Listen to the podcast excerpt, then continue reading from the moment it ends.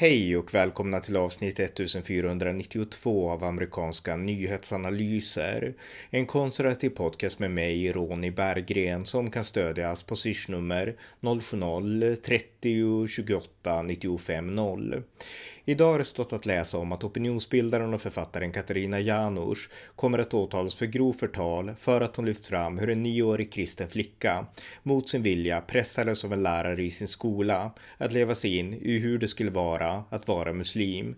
Här berättar Janouch hela historien och konstaterar att åtalet som väntar hotar yttrandefriheten och den granskande journalistiken i Sverige. Varmt välkomna!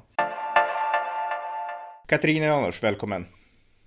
Tack, tack. Eh, när jag slog upp, eh, jag tänkte säga slå upp tidningen, men det gör man inte längre, men när jag startade eh, SVTs hemsida i morse så såg jag att det stod om att Katarina Janouch åtalas, stod det. Och sen så nu ikväll när jag kom hem så läste jag lite grann och så hittade jag en text på Samnytt där det stod att du kommer att åtalas för att du har hängt ut en lärare och det handlar om islam och en massa olika saker. Och jag kan inte detaljerna, men jag tänkte jag måste ringa dig och prata om det här. Så att, kan du berätta vad är det som har hänt? Ja, men eh, det här var ju för två år sedan då, ganska exakt i mars 2020 som eh, jag fick tips om att en mamma hade skrivit på Facebook om att hennes dotter hade tvingats eh, eh göra övningar i skolan som gick ut på att hon skulle låtsas att hon var muslim och det här var en kristen flicka. Och mamman berättade hur barnet hade tagit väldigt illa vid sig. Det var en nioårig flicka, alltså en flicka som gick i tredje klass. Och eh, hon hade gråtit och sprungit in på toaletten och sen hade hon kommit hem och varit uppriven och mamman undrade vad sjutton var det här och tog kontakt med skolan och då hade flickan också visat sin skrivbok där det stod eh, precis, eh, det finns ju bilder på detta. Jag tillhör islam, jag ber i moskén och jag, ja, jag, till, jag nu kan, minns inte exakt formuleringen nu men ja, det finns en bild på det. Och hon skickade detta till mig, jag tog kontakt med mamman och hon berättade detta. Hon tyckte att det var förfärligt och sen så eh, och barnen berättade om att de hade blivit tvingade till detta och mamman filmade barnen där de berättade att de var tvungna att göra det här. Och jag gjorde en intervju med mamman och la upp på Katarina Magasin eh, och då fick, eh, ja, och det här fick en spridning. Det hade ju redan spritts via mamman innan dess, utan det, jag var ju på något sätt, eh, gav den här, de här utsatta människorna en röst. Mm.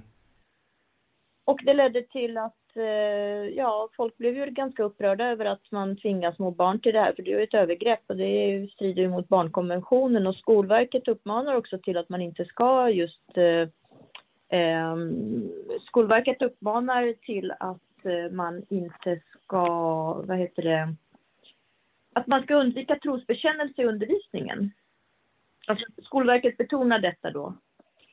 Eh, nej men det ena kom med det andra och det var ett himla hallå där med skolan för de höll på att förneka det och de la upp en egen artikel där de bekräftade att barnen hade fått göra den här övningen men menade på att det här var normalt och att eh, och att eh, ja de menar på att barnen inte hade varit tvungna att göra detta, men det var ju inte sant, för barnen tvingades till det. Eh, barnen som är, alltså små barn, de har ju också väldigt svårt att stå emot vuxen auktoritet. Det ska man ha klart för sig, att barn befinner sig i en beroendeställning till lärare i skolan.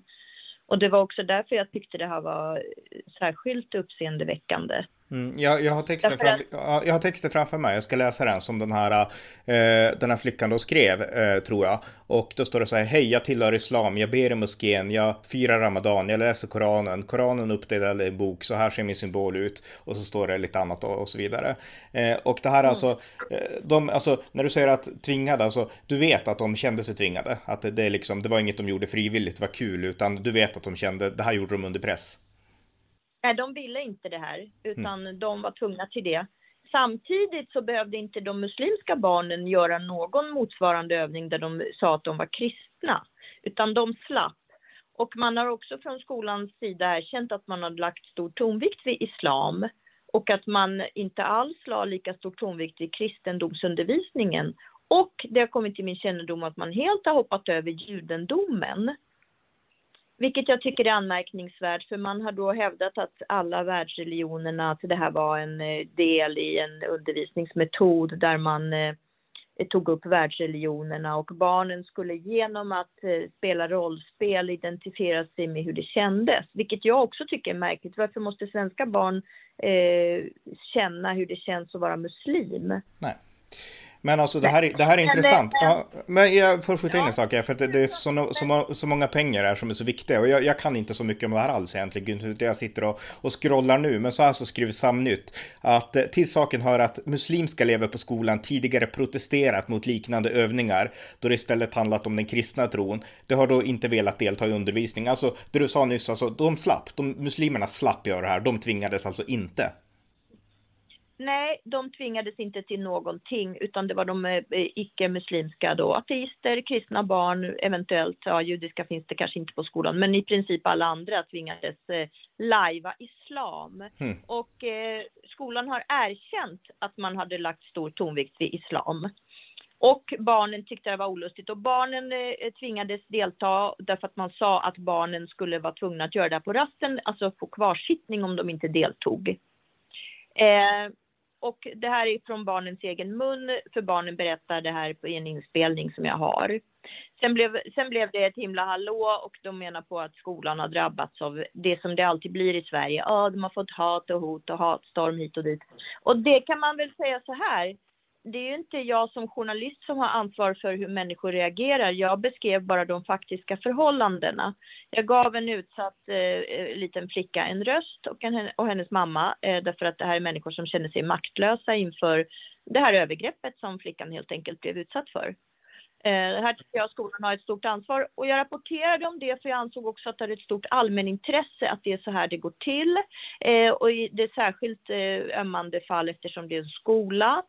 Och eh, jag eh, namngav läraren därför att jag ansåg att det hade ett allmänintresse. Därför att om man nu inte skulle namnge varken lärare i skola, då blir det hela liksom... Nej men då, då, då, då tappar det på något sätt eh, ett allmänintresse. Då kan det vara vad som helst. Dessutom kan man peka ut det som fake news. Då kan man säga, men det här har inte hänt. Eh, jag måste, får jag skjuta in lite saker här då? Alltså igen, alltså den här, är det det som gör att då talas ju nu för grovt förtal? Är det att du har namngett läraren eller att de menar att du ljuger liksom i den allmänna beskrivningen? Eller vad är liksom grunden för grovt förtal? Det vet inte jag, det förstår varken jag eller min advokat, därför att jag har ingenstans förtalat läraren. Däremot har jag namngett henne, men i den första kallelsen till polisförhöret så stod det att jag står misstänkt misstänkt för grovt förtal av lärares undervisningsmetod. Mm. Och det här är också väldigt intressant. Jag tror inte det finns någon juridisk grund att, att förtala en metod. Jag har inte förtalat läraren, jag har inte utmålat henne som klandervärd eller brottslig på något sätt, utan däremot har jag namngett henne i sammanhanget av att det är hon som har eh, representerat den här undervisningen där barn har tvingats till den här religiösa trosbekännelsen. Och för, en litet, för ett litet barn så är det svårt att veta skillnad på vad som är vad eh, när man spelar rollspel. Man, man kan bli förvirrad och ledsen och jag anser att det var fel.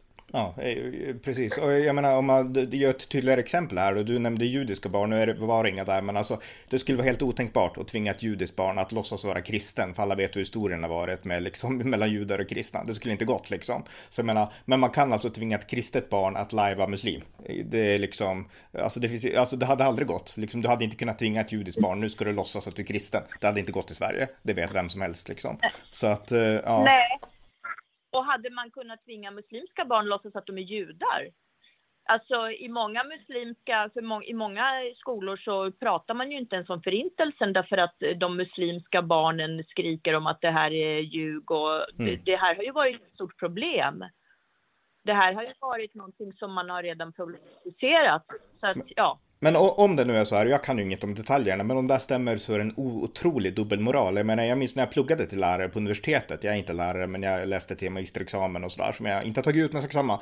Då var det så här att man pluggade med många präster, man pluggade med många som liksom ville lära sig om religion, och vi hade väldigt många lärare som visade djupt frakt för kristna, liksom frikyrkliga kristna, och samtidigt som de hade stor ska jag inte säga, men de hade ändå vördnad för folk från andra religioner på ett sätt som gjorde att de inte talade nedvärderande om dem. Eh, Medan mm. om det var kristna så kunde man prata hur löjeväckande som helst liksom. Eh, det var jättetydligt när man liksom pluggade där och liksom hade kompisar som sen blev lärare, att de skolades i det här. Och när jag läser om den här läraren som inte jag kan så mycket om, då det framstår ändå som att hon har liksom lite frakt för kristna, för hon uttalar sig negativt, jag läser här på Samnytt, eh, om mamman och menade att den här mamman är någon slags, hon tillhör en sektmiljö och liknande. Nu vet jag inte vilket samfund mamman tillhörde eller barnet, men det visar ju på det här föraktet, alltså liksom frakt mot kristna, men eh, ja, så relativiserar man kanske islam och andra saker det är en enorm respektlöshet gentemot kristendomen och det är en enorm respektlöshet och okunnighet också därför att de som förföljs i världen idag är kristna och det är kristna eh, byggnader, kyrkor och, och, symboler som förstörs, saboteras, bränns ner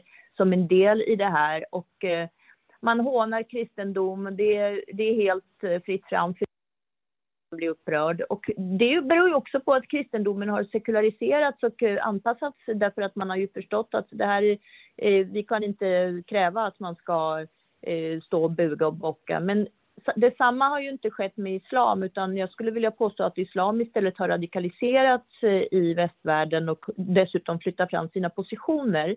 Vilket gör att man reagerar med stor respekt och undfallenhet mot även sånt som en aggression.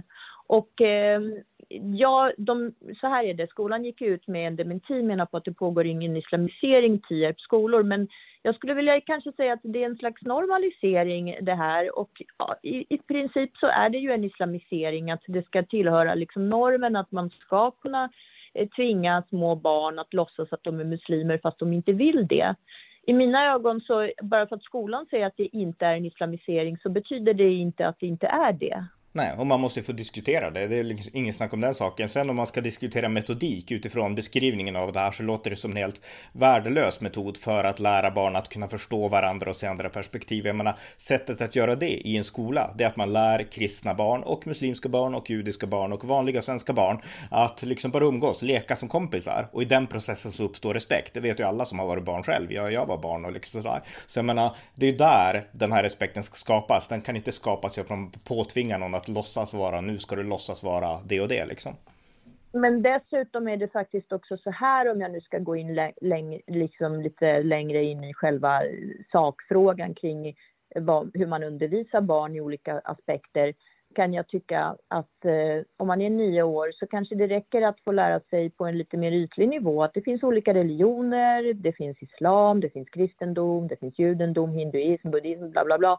Och de här religionerna eh, finns det olika eh, i olika delar av världen så tillmäter man dem olika betydelser, punkt slut. Och sen när man blir äldre så kan man gå in lite mer i detalj. För det vet jag också att religionsundervisningen sen på högstadiet när barnen blir äldre, då kan de ju gå in på mer detaljnivå och diskutera olika samhällsperspektiv och så. Men varför barn i tredje klass ska hålla på med eh, den här typen av otroligt djupgående eh, religionsstudier eh, som nästan blir konfessionella. Det tycker jag känns fel. Men absolut, läroplanen, men den kan man också få diskutera och jag kan tycka att man kan få diskutera de här sakerna, men också rikta kritik. För det här att man då som journalist ska bli eh, på något sätt eh, eh kriminaliserad när man tar upp en metodik som man kan ifrågasätta. Det innebär ju att skolan i princip inte ska gå och kritisera. Mm. Menar de på att man inte ska få kritisera Eh, lärare, auktoriteter, olika lärosäten, eh, undervisningsmetoder.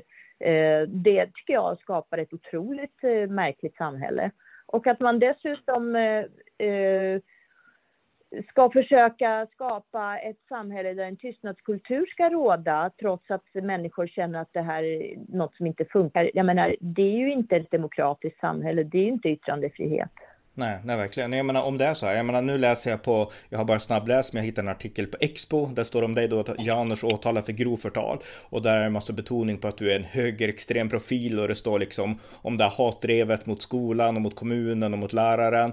Men det är ju inte fokus på det enda väsentliga här. Och det är att ett barn vart liksom nästan gråtfärdig för att hon tvingades göra någonting som gick emot hennes samvete. Hon vart rädd, hon gick till sin mamma, mamman vart upprörd. Det är det perspektivet som är ändå och det huvudsakligen väsentliga här. Och jag tycker all media märker vissa det, utan de liksom, det är liksom drevet de är intresserade av. Den här utsatta flickan verkar ingen bry sig om, mer än världen idag, för Nej. de har skrivit om det här, det inser jag nu också.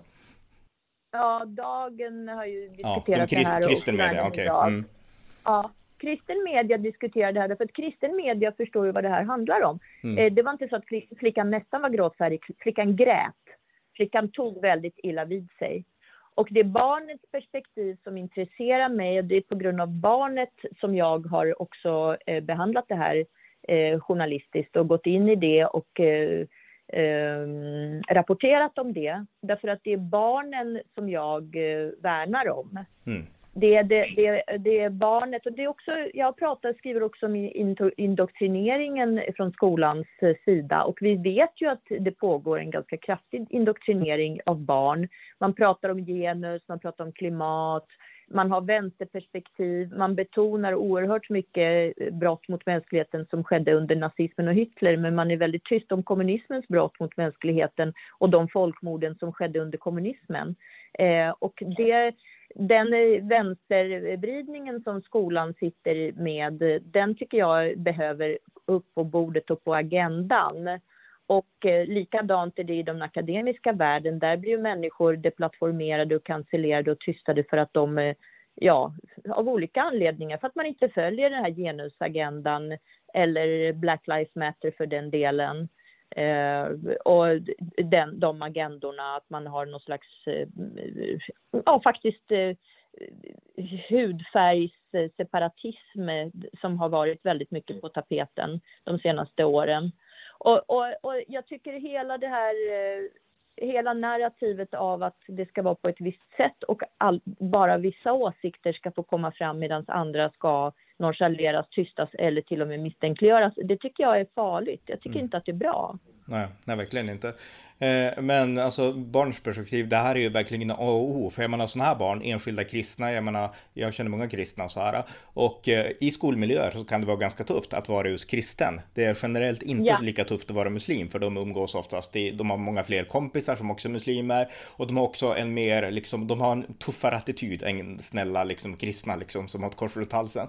Så jag menar, det är en ganska utsatt miljö i skolorna idag, att vara liksom kristen. Jag menar, det var det lite grann när jag växte upp också, fast på ett annat sätt kanske, för då var Sverige så sekulärt och det var en annan, liksom, en annan tanke, tankevärld lite grann. Men då, den, tuff, den tuffheten kan komma från klasskamrater, men det ska ju inte komma från lärare, utan läraren ska ju stå på elevens sida. Liksom eleven ska inte behöva känna ja. sig mobbad av en lärare. Och eh, allt du beskriver och det jag läser av det här, det är ju liksom att den här, det var läraren som fick barnet att gråta, det var läraren som fick liksom barnet att uppleva samma sak som ett sånt här barn skulle kunna uppleva av liksom mobbare. Fast nu var det läraren som mobbade så att säga. Så att, Men eh, läraren var, helt, läraren var helt tondöv och läraren eh, är den som har orsakat problemet. Det är inte rapporteringen. Rapporteringen har gjort att kännedomen om den här situationen har spritts. Men det är läraren som, har, som är ett problem här som har gjort, eller skolan kan man säga, det är skolan som representerar den här problematiken. Mm. Och att det kommer kritik mot den. I Sverige så tycker jag också att det är viktigt att man faktiskt börjar skilja på hat, hot och kritik som är motiverad mot någon som har begått ett fel. Mm. Att man har begått ett övergrepp eller att man har eh, gjort någonting som inte är korrekt.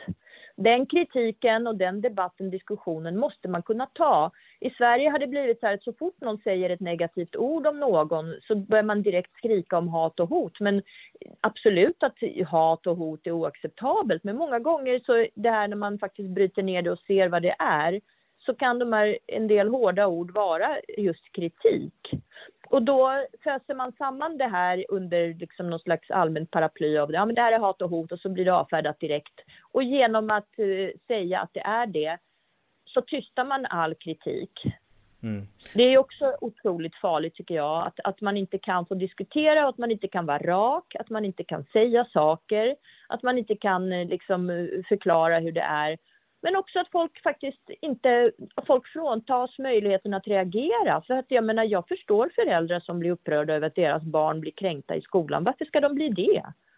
Det är ju inte de här människorna som älskar att prata om alla människors lika värde, men vissa barn är uppenbarligen inte lika mycket värda som andra och de barnen kan man köra över hur mycket som helst och när deras föräldrar sen reagerar så, får de, så blir de kallade för sekt och, och nedvärderande och man suckar och stönar och, och, tycker att de är dumma i huvudet. Och jag tycker att det är fruktansvärt respektlöst. Ja, jag också. Jag menar, jag tycker också, just det här med sekt, att läraren kallade liksom mamman att hon var med i sektgrupper.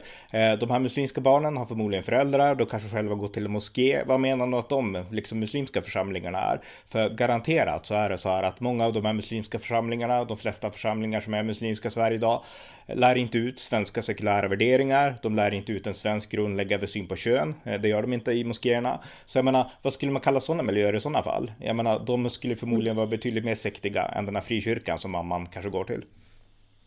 Ja, och det vet vi inte, men eh, det det handlar om fortfarande, precis som du säger, den viktigaste aspekten är att minderåriga barn, små barn som står i beroendeställning till sina lärare som är auktoriteter mm. och som har helt fria händer att bestämma över de här barnen. Att de här personerna eh, tondövt bara kör på gränslöst och eh, tycker att de är i sin fulla rätt att utsätta de här barnen för olika typer av mentala övningar som de inte känner sig bekväma med och de tycker att det ska de bara acceptera. Och det, det, var det, och det var det jag ville lyfta och det är det jag har gjort på ett journalistiskt sätt. Jag har inte skrivit någonting eh, nedsättande om läraren. Jag har inte skrivit någonting nedsättande egentligen om de namngivna personerna. Annat än att jag dagen efter eller två dagar senare skrev en opinionstext där jag skrev att jag eh, aldrig kommer låta sånt här passera. Att jag kommer att fortsätta både namnge dem och skriva om dem och när jag ser såna här orättvisor utspela sig så kommer inte jag backa. Jag kommer att fortsätta att eh, påpeka det här och lyfta det. Därför att jag tycker inte att det är acceptabelt att ett litet barn från skolans eh, sida utsätts för den här typen av beteenden. Och jag kommer inte heller acceptera att man i skolan ägnar sig åt eventuella ja, islamisering eller annan typ av påverkan där man ska liksom påverka barn att tycka i en viss eh, riktning utan att de ska få möjlighet att uttrycka sina egna kanske tankar och idéer. De kanske inte håller med. Ja, men till exempel så har man i skolans värld väldigt, väldigt, väldigt hårt toppstyrt barn politiskt. Man har gått ut helt skamlöst sagt att SD är nazister, alltså om man nu ska prata om det, och att det är fel och att det är ett dåligt parti. Man har till och med haft eh, skolböcker där det står att det är ett eh, främlingsfientligt parti. Man har helt skamlöst eh, spritt den här typen av information till barn och förväntat sig att barn ska tycka på det sättet. Och de barn som inte har hållit med, de barn utfrysta och illa behandlade. Och jag har skrivit i den här opinionstexten att jag accepterar inte sånt och att jag kommer att fortsätta lyfta den här typen av problem som jag betraktar att det, det är ju problematiskt. Mm. Ja, nej men det är jättebra. Jag menar, det, samma rättighet ska ju gälla muslimer också. De ska såklart inte tvingas att låtsas vara kristna. Det är viktigt att betona, det är jämlikhet åt alla hållen. Men i det här fallet så är det en kristen som har blivit diskriminerad. Så att jag menar, eh, mm. bara för att vara tydlig där. Men ja, jättebra, då har vi fått ett hum om det här. Men alltså hur känner du dig inför rättegången då? Vart du förvånad? Vart du chockad? Känner du dig liksom uppskrämd? Eller hur känner du nu inför det här? Nej, jag känner att det här är en politisk rättegång. Det här är en värdegrundsrättegång. Det här handlar om syftet, eh, vet jag inte exakt vad det är, men resultatet eh, blir ju att eh, journalister får ett snävare rum att röra sig i, snävare ramar. Människor kommer censurera sig mer. Man kommer undra, kan jag skriva på det här sättet, även om det är problem? Visselblåsare blir ju mer skrämda till tystnad. Vi har redan tystnadskultur Eh, därför att människor känner sig hotade på olika sätt. Och det här är ju ingenting som eh, gagnar yttrandefrihet eller demokrati. Eh, sen är det ju fortfarande oklart vad det är för slags brott jag har begått. Att jag har som journalist namngett en person som har eh, utsatt ett barn för obehag i skolan, det betraktar inte jag som brottsligt. Nej.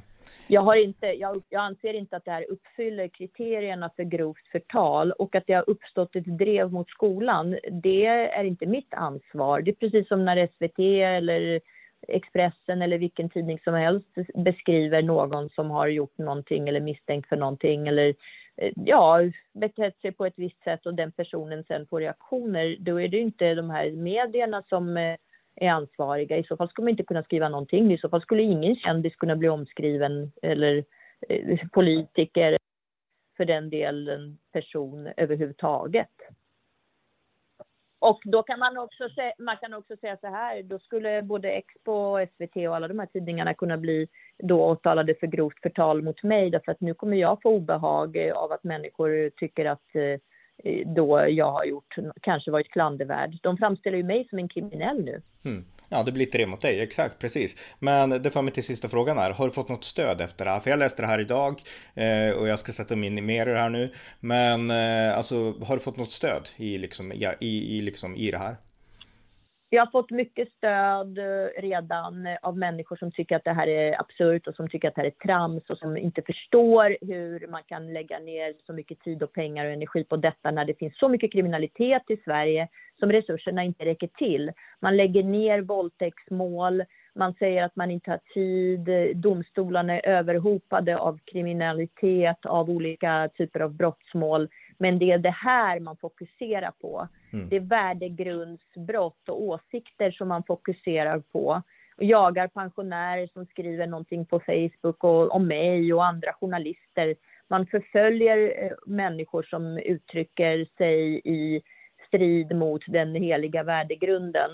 Och framför allt så handlar det om att man skyddar islam som faktiskt är en politisk ideologi och som allting som har med islam att göra är så känsligt. Det blir på en gång någonting, det är, man är islamofob och hit och dit och eh, man, man liksom, det handlar mycket om att skydda islam upplever jag det, att, att man ska inte få säga någonting negativt om eh, den här religionen som då också då, som sagt är en politisk ideologi att det är väldigt känsligt i Sverige. Så fort det handlar om islam så är, det, så är man helt liksom, ja, då kissar man på sig. Och när man kritiserar någonting som har med det att göra så, så måste man liksom rycka ut och, och på något sätt markera att nej, det här är inte okej. Okay. För jag är helt säker på att hade jag skrivit att, hade det här varit tvärtom, hade jag skrivit att eh, något barn hade tvingats till någonting som hade med kristendom att göra, det hade det ju aldrig blivit några som helst reaktioner. Men det handlar ju också om att folk är uppretade. Va? Jag tror att folk reagerar därför att folk tycker att det är o, eh, orimligt att barn och att man ska liksom ge islam det utrymmet. Islam eh, har ju liksom inte med vårt västsamhälle, vårt demokratiska samhälle att göra. Därför att det har ju också kommit en ny rapport nu som visar att islam faktiskt inte är förenligt med våra